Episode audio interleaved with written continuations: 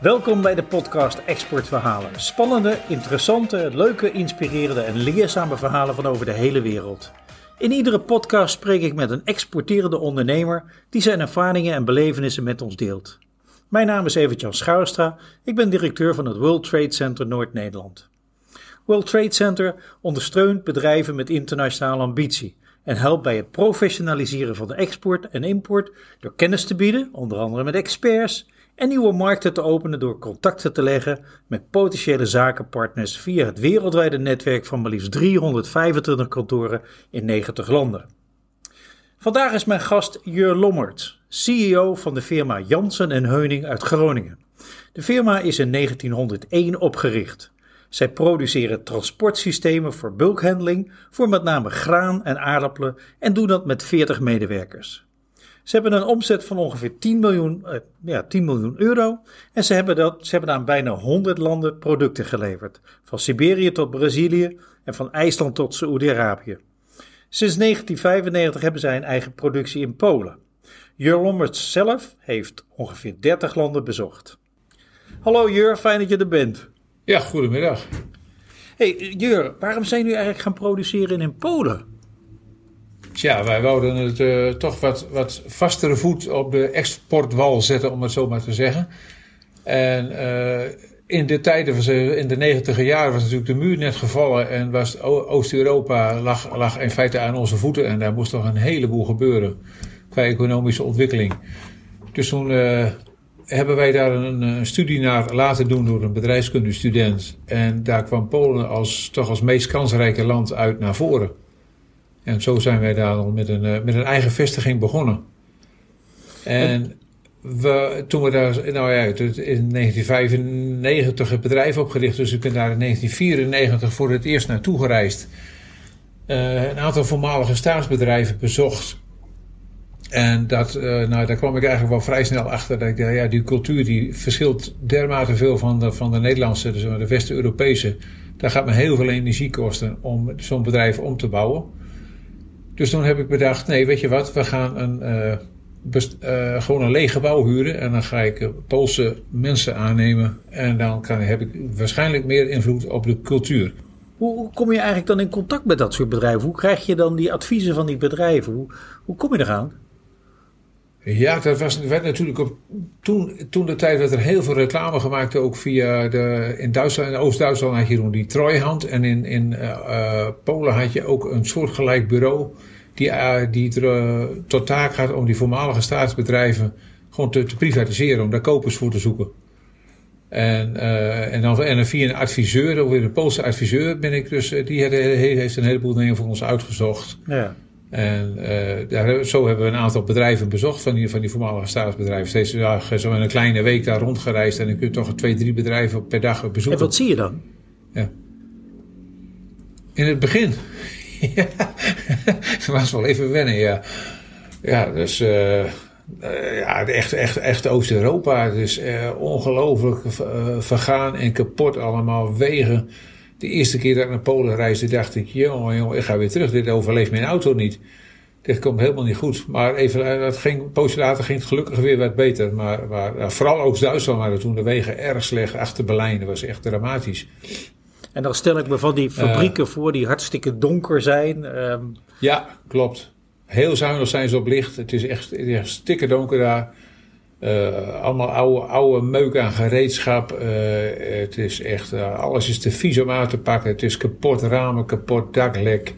Maar ja, mensen werken er nog wel. En ja, ze, ze, wisten ook niet beter. Dat was al jaren zo daar. En ja, we have no money, zeiden ze steeds. We have no money, we have no money.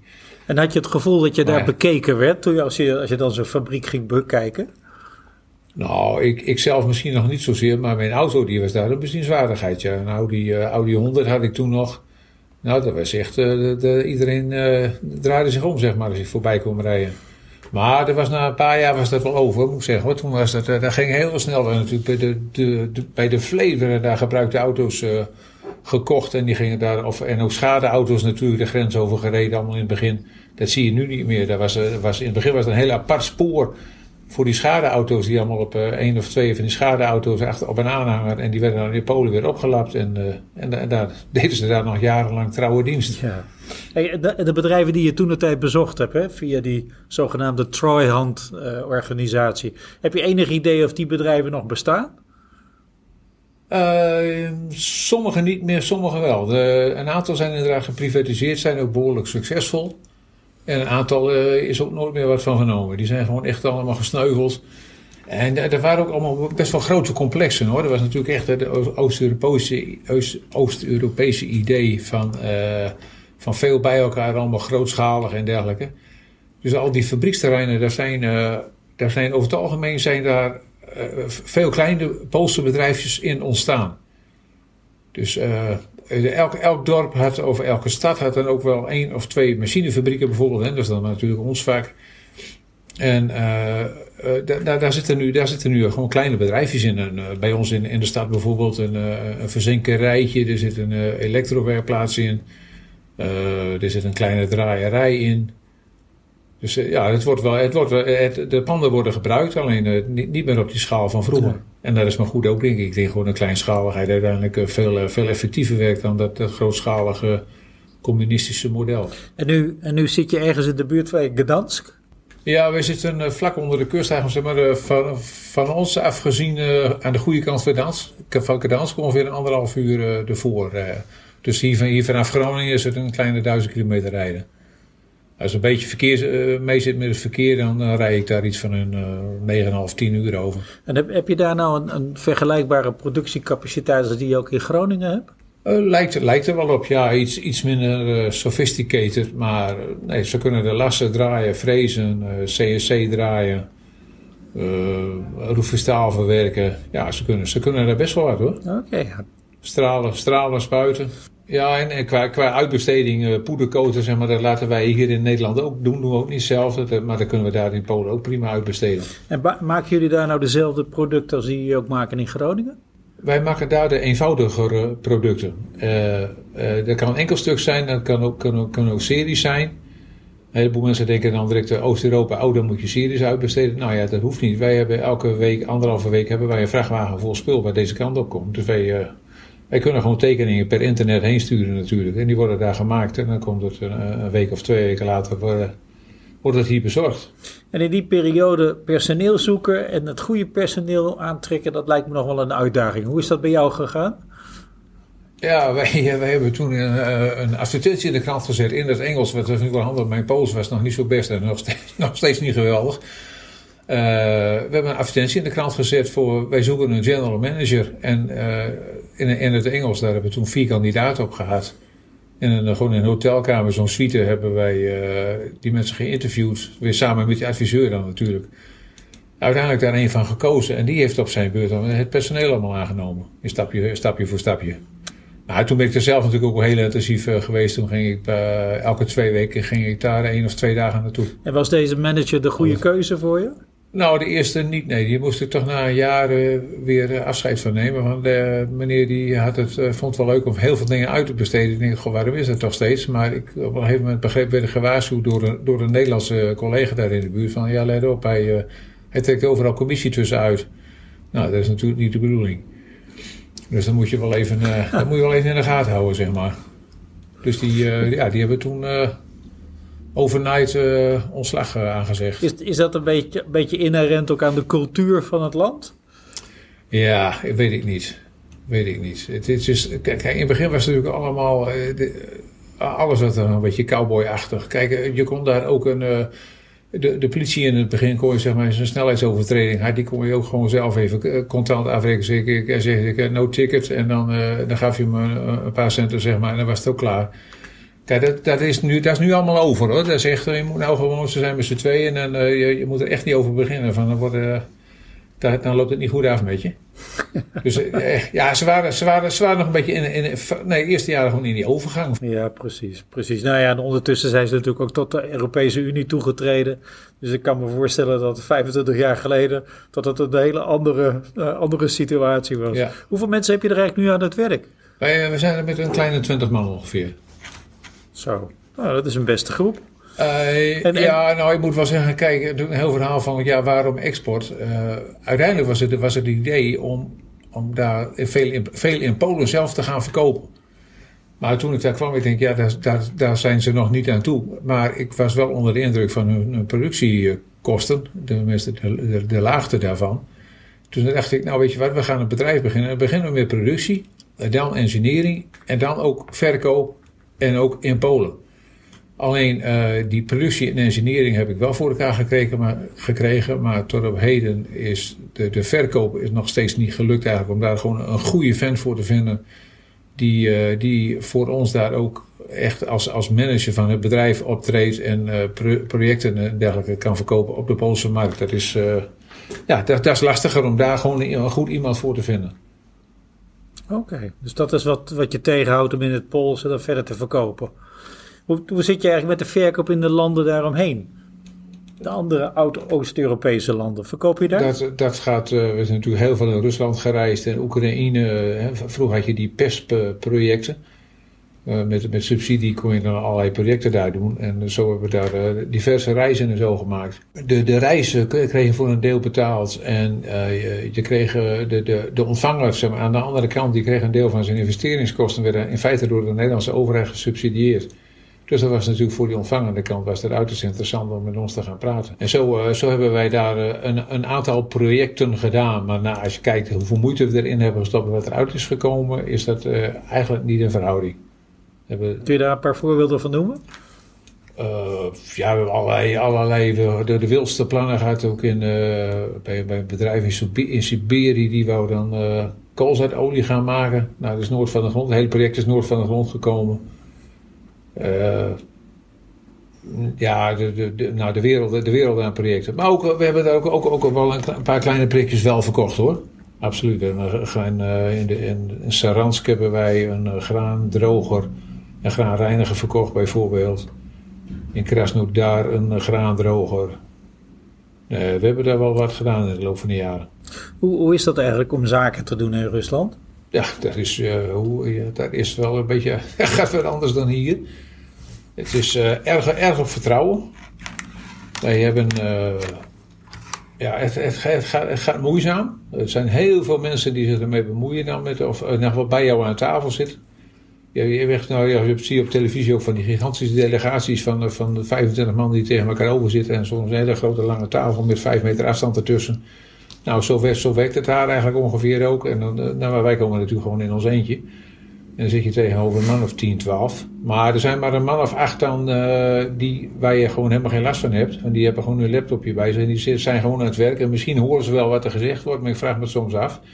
En er zijn er een paar die dan echt deelnemen aan het gesprek. Ja, en die, en die kunnen allerlei vragen stellen en die veranderen allerlei, allerlei dingen weer. En die stellen alles wat je zegt ter discussie. Die, die kunnen een uur praten over 1 plus 1, inderdaad wel 2 is bij wijze van spreken. Uh, maar dat vinden ze allemaal heel normaal. En dan ben je er drie dagen. En dan het, het, laatste uur, dan in één keer, dan, dan gebeurt er wat. Dan, eh, dan, dan komt er ineens beweging. En dan ga je toch nog net niet helemaal onverrichte zaken weer naar huis. Maar toch lang niet zo ver als dat wij zelf in, in drie dagen geregeld zouden hebben. Maar ik, ik, ik zal nooit weer vergeten. We hebben in Siberië een grote klus gedaan voor een staalfabriek. En uh, toen moest op een gegeven moment, uh, er was offerte nummer over 15 hadden we gemaakt. We zijn drie jaar mee bezig geweest. Ik ben er vier keer, inderdaad zo'n periode van drie dagen geweest. En de vijfde keer moest ik dan bij de directeur zelf komen. We was in een andere plaats in Siberië, in Chelyabinsk.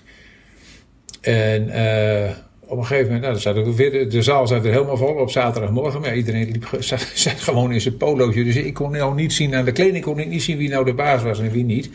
En uh, het praat ook allemaal wat door elkaar heen. Maar er was een man die stelde wel echt, nou, die stelde echt van goede technische vragen. Zo ik denk, nou, dat is echt de techneut van het spul. Dat is wel een, uh, dat is een goede kerel.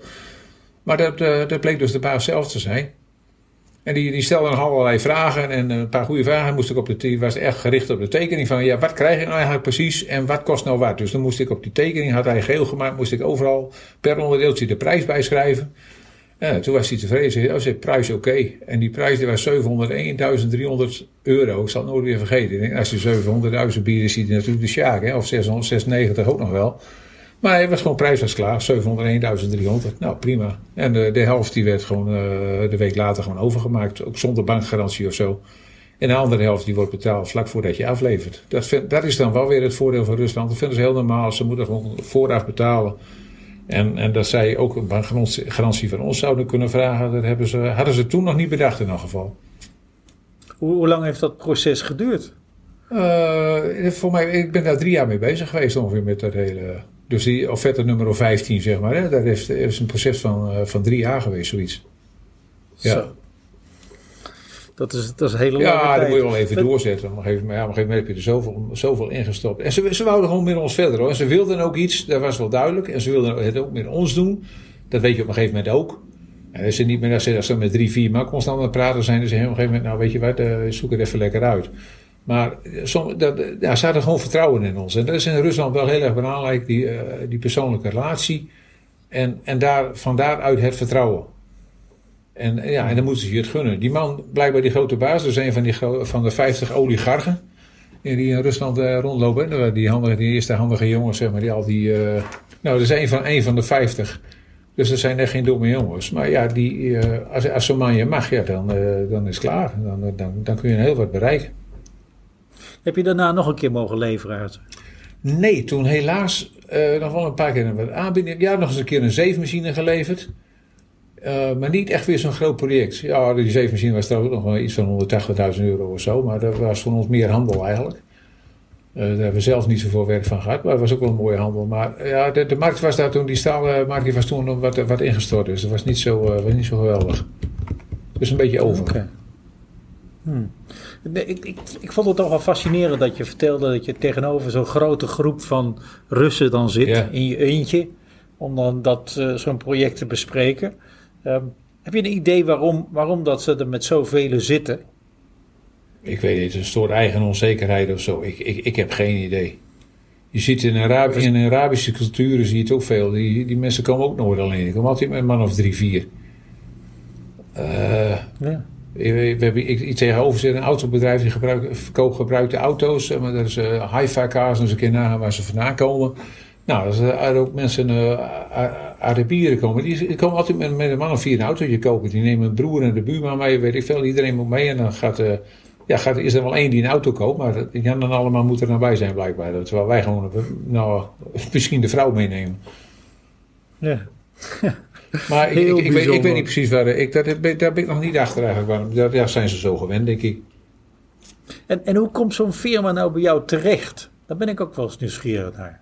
Uh, dat kan heel wisselend zijn. Dit, dit was via een Amerikaan die had in Nederland gewerkt en die zat nou weer, was nou weer terug in Amerika en die had een Nederlands contact opgebeld van ik zoek eigenlijk een, een West-Europees bedrijf die zo zo'n project voor mij kan doen. Weet jij iemand? En toen heeft iemand anders uh, heeft ons dus getipt bij hem. En zo, zo zijn we dan weer met die Russen in contact gekomen. Maar er was, ja, die Russen hadden een Amerikanendienst die dan weer hun, uh, voor hen de verkoop deed in Amerika. Oké. Okay. Okay. Hey, en, en, als ik praat over Siberië, dan moet ik altijd denken aan kou. Heb jij ook daar de Siberische kou mogen beleven? Ja, ja ik heb met min 30 meegemaakt, ja. Maar, ja, Hoe is dat? Maar die Russen, die moet je niet voorstellen dat die heel lang buiten zijn hoor. Die, die, die rennen echt ook van de auto naar het hotel en, van, en naar huis. En als ze binnen in huis, dan uh, is het echt allemaal bloedheet. Het zijn echt ongelofelijke koukleumen. En als ze, als ze buiten lopen, hebben ze, hebben ze zo'n dikke berenmuts op en een uh, dikke bontjas aan. Terwijl wij nog, nog misschien gewoon een winterjas aan hebben. Kijk, weet je, die, die 25 graden onder nul, dat valt op zich wel mee als het maar niet waait. Hè? En de, de keren dat ik er was, was het gewoon windstil. En als je dan inderdaad met nat haar buiten loopt, denk je, goh, we hebben nou gel in mijn haar of zo. Oh nee, wacht even, het bevroren. Dat is gewoon in in, in, in twee seconden is je haar bevroren, zeg maar, als je net, uh, net gedoucht hebt. Maar ja, je hebt er niet echt last van. Ja, en je, je moet niet echt heel diep doorademen. Van, dan, uh, ja, dan, wordt, dan, dan, voel je die kou echt in je longen. Dus je moet echt, echt een beetje voorzichtig doen. En uh, ja, dan een meter, een meter of 30, 40, 50 buiten lopen. Dus dat is geen enkel probleem. Nee, ik, vond, ik, vind, ik het wel meevallen. Oké. Je, je hoort er al veel van Russen en uh, gebruik van alcohol. Ook zeker bij, wat, bij officiële ontmoetingen. Is, is dat bij jou ook gebeurd? ja. Ja, nou in de Oekraïne vooral. Ja, Rusland ook wel. Maar inderdaad, dan, dan uh, ja, je werkt als morgens maar nu van een uur, half negen of zo. En dan, uh, ja, smiddags moet er dan geluncht worden, zo'n uur of één. En dan, dan gaat het hele spul aan tafel. Nou, als ze die mensen dan een lunch verzorgen, dan weet je, wil je niet weten wat er op tafel gezet wordt. Dan kunnen ook alle schalen, die kunnen niet eens, er komt op een gegeven moment drie dik bovenop elkaar te staan, zeg maar. Je hebt de ene nog niet op, je, ja, je kan lang niet alles opeten. Je kan overal maar een klein hapje van nemen. Uh, dus dat, is qua eten. Ja, en dan qua drinken, dat is ook wel leuk. Dan uh, we de, de gewoonte, de gastheer die begint met, uh, met het welkom heten van de gasten. En die brengt dan een toast uit. Dus dan heb je je eerste glaasje wodka, zo'n zo, short glaasje zeg maar, heb je, dan, uh, heb je dan te pakken. Nou wist ik in het begin niet, maar die hoef je dus niet leeg te drinken. Je mag er ook gewoon een slokje uitnemen. Maar ja, in het begin dacht ik, oh, ik zag een paar zakken achterover slaan. Ik denk, nou, doe gezellig mee. Uh, en dan, nou, als tweede dan wordt de, de, de, het opperhoofd van de ontvangende partij wordt uitgenodigd om ook even zijn zegje te doen. En uh, dat is ook wel leuk. En dan de derde borrel, daar gaan alle, als er vrouwen bij zijn, de derde borrel, daar gaan alle kerels staan. Uh, en die wordt, er wordt getoost op de vrouwen van deze wereld. En zeker de vrouwen die dan uh, daarbij aanwezig zijn. En dan hoeft maar één secretaresse of zo te zijn en dan is dat dan de derde borrel. Nou, en dan komt, daarna komt weer dan de tweede van de gast, gastheer en dan komt de tweede van de gasten. En zo gaat er, er wordt er een stuk of, nou ja, een stuk of zeven, acht of zo, als je niet uitkijkt. Ja, en als je nou die wodka's, uh, als je die echt helemaal achterover slaat, het hele glas, ja, dan ben je een uur later ben je niet al te best meer. Maar zij, stappen, zij, zij slaan gewoon achterover en zij stappen rustig achter het stuur. En als je denkt, nou, ze daar rijden een beetje rustiger aan of zo. Nee, echt niet. Het is echt uh, heel verschrikkelijk. Nou, Russen worden ook niet zo heel oud, geloof ik. Hè? Ik weet niet, de gemiddelde leeftijd die, uh, die ligt niet heel ligt wat lager dan die van de ja, Nederlanders. Ja, die ligt wat lager, ja. Maar dat is ook geen wonder. Hey, je, je bent uh, ondertussen ben in 30 landen geweest en jullie hebben zelf uh, machines verkocht aan 100 landen. Ik kan me ook wel eens voorstellen dat het ergens een keer verkeerd is gegaan, dat je ergens een blauw oog hebt opgelopen. Ja, het, het, het voordeel van export is wel dat iedereen het heel normaal vindt dat je gewoon vooraf betaalt. Bij, bij die wat ik vertelde van Siberië, daar hebben we gewoon elke cent op de bank staan voordat hier de laatste container van het terrein afging. Uh, ik, ben, we hebben wel een heel project in Saoedi-Arabië gedaan, via een Jordaans bedrijf. En daar, ja, daar liggen wij nu op dit moment nog mee in de klins van die Jordaniërs. Die hebben het bij de eh, Saoedi's niet zo goed gedaan. Er was een, een, ingenieursbureau wat ertussen zat. Nou, die hebben er dus een niet behoorlijke puinhoop van gemaakt eigenlijk. Ja, die, moeten, die moesten bloeden bij de Saoedi's. En nou, nou willen ze natuurlijk hun leveranciers ook laten bloeden, waaronder ons. Maar dat, uh, ja, dat, uh, daar, daar liggen we nou uh, mee in, in de klins. Maar dat, dat, dat zal wel goed komen. Maar daar, die hadden we een keer eerder aangeleverd. En daar dachten we echt, nou, dat zijn dus van Jordanië is natuurlijk niet, eigenlijk wel het meest westerse land binnen de Arabische wereld eigenlijk. ik denk, nou, dat komt wel goed. Maar nou, dat komt niet zo geweldig goed, nee. Dus er loopt nu een procedure bij een Jordaanse rechtbank. Dus dat is ook wel, wordt, wordt weer een leuke ervaring. Ja, maar eh, en hoe pak je dat dan aan? Kun je, kun je bewijsmateriaal nog verzamelen of zo? Ik, uh, ik ben, ik ben uh, een paar weken geleden ben ik naar uh, Saudi geweest, Saudi-Arabië geweest, om daar de, de plan te bekijken en te kijken of die inderdaad zo slecht presteren als dat de Jordaniërs beweren. Nou, dat is helaas niet zo, dus daar heb ik allemaal keurige video's en zo van gemaakt en foto's van gemaakt. Dus die kan ik nou indienen bij de rechtbank. En dan, eh, dan hoop ik dat we daarmee kunnen bewijzen dat wij het, dat wij het echt wel goed gedaan hebben. En de Saoedi's gewoon hartstikke tevreden zijn over ons. Maar niet over de Jordaniërs. Maar goed, er is, ja, het, het loopt voor het, het Jordaanse recht. Dus uh, ik, ik weet het niet. Dus, uh, we, we, gaan zien. ja, nou heel veel sterkte ermee. Ik hoop dat dat voor jullie goed gaat aflopen. Maar zo te horen klink je wel erg overtuigd dat dat geen probleem mag zijn. Nou, ik, ja, ik, ik ben natuurlijk wel optimist. Als je, als je er niet in gelooft, moet je er niet aan beginnen. Als je, als je, als je denkt, ja, als je exportreizen gaat doen, dan denk je, ja, misschien verkoop ik wel niks. Ja, blijf dan, blijf dan maar thuis. Ik bedoel, eh, ja, je, je moet gewoon optimistisch en opportunistisch zijn, anders hou je het niet vol. En dan, en dan kan je ook uh, goed tegen tegenslagen op een gegeven moment. Van, die krijg je natuurlijk regelmatig te verwerken. Dat geloof ik ook. Maar dat geeft niks, gewoon, uh, gewoon weer doorgaan. Hey Jur, hoe verkopen jullie je machines? Verkopen jullie dat via distributeurs? Nee, meest rechtstreeks. Een aantal uh, machines verkopen we via distributeurs, of die worden opgenomen in projecten eigenlijk. En, we grotere projecten, daar vormen zij dan een onderdeel van. En, en uh, andere projecten uh, veel rechtstreeks naar de eindklant. Dat doen we eigenlijk ook het liefst hoor. En hoe, hoe vinden ze jullie dan? Internet. Internet is internet, internet, internet. Onze website is gewoon, dat is ons visitekaartje. Okay. Veel, veel, veel video's. We hebben een eigen berekeningsprogramma om uh, transporteurs en dergelijke uit te rekenen.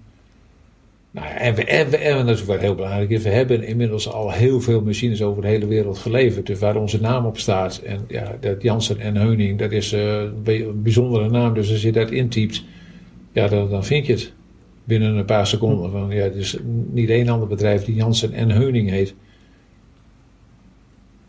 Ja, kan ik me voorstellen. En, en, ik heb begrepen dat jullie ook wereldmarktleider zijn op een bepaald product. Zo, ja, de, een bepaald de, product ja, klopt. De aardappelopschepmachine, daar is, uh, dat is ons ding, ja. Dat is echt, echt onze specialiteit. Dus, en, en wat moet ik, op, moet ik voorstellen met een aardappelopschepmachine? Nou, aardappels worden natuurlijk gerooid. En dan gaan ze de schuur in eerst. Om, uh, om, om te drogen en. Om, om gewoon bewaard te worden gedurende de winter. En uh, als ze er dan er weer uit moeten, dan is, is onze opschepmachine, dat is eigenlijk een transportbandje die je onder de aardappelen duwt. Die ja, zichzelf eronder duwt, er zit een aangedreven wiel op. En uh, die, uh, die neemt dan, dat transportbandje neemt die aardappelen op en kan ze naar een, een volgende transporteur brengen, bijvoorbeeld die ze daarna op de auto, op de auto laat. Of dat je een sorteermachine vult, of dat je het in big bags afvult. Oké. Hey, en als jij nou, je hebt ondertussen 30 landen bezocht, hoe bereid jij je eigenlijk voor op een reis? Uh, nou, de, de, de klant zo, zo, goed mogelijk proberen te, ken, eh, te kennen en daar wat van te weten, wat van het land weten. En voor de rest, ja, ik, ik, nou, ik moet zeggen, ik denk wel, ik, ben wel eens op reis geweest en oh, je had je toch misschien even van tevoren uit kunnen zoeken, maar ik ga over het algemeen, ik ga er gewoon heen en dan zie ik wel.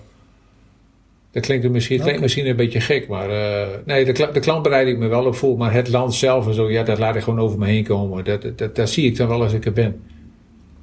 Oké, oké. Taal? Hoe belangrijk is taal?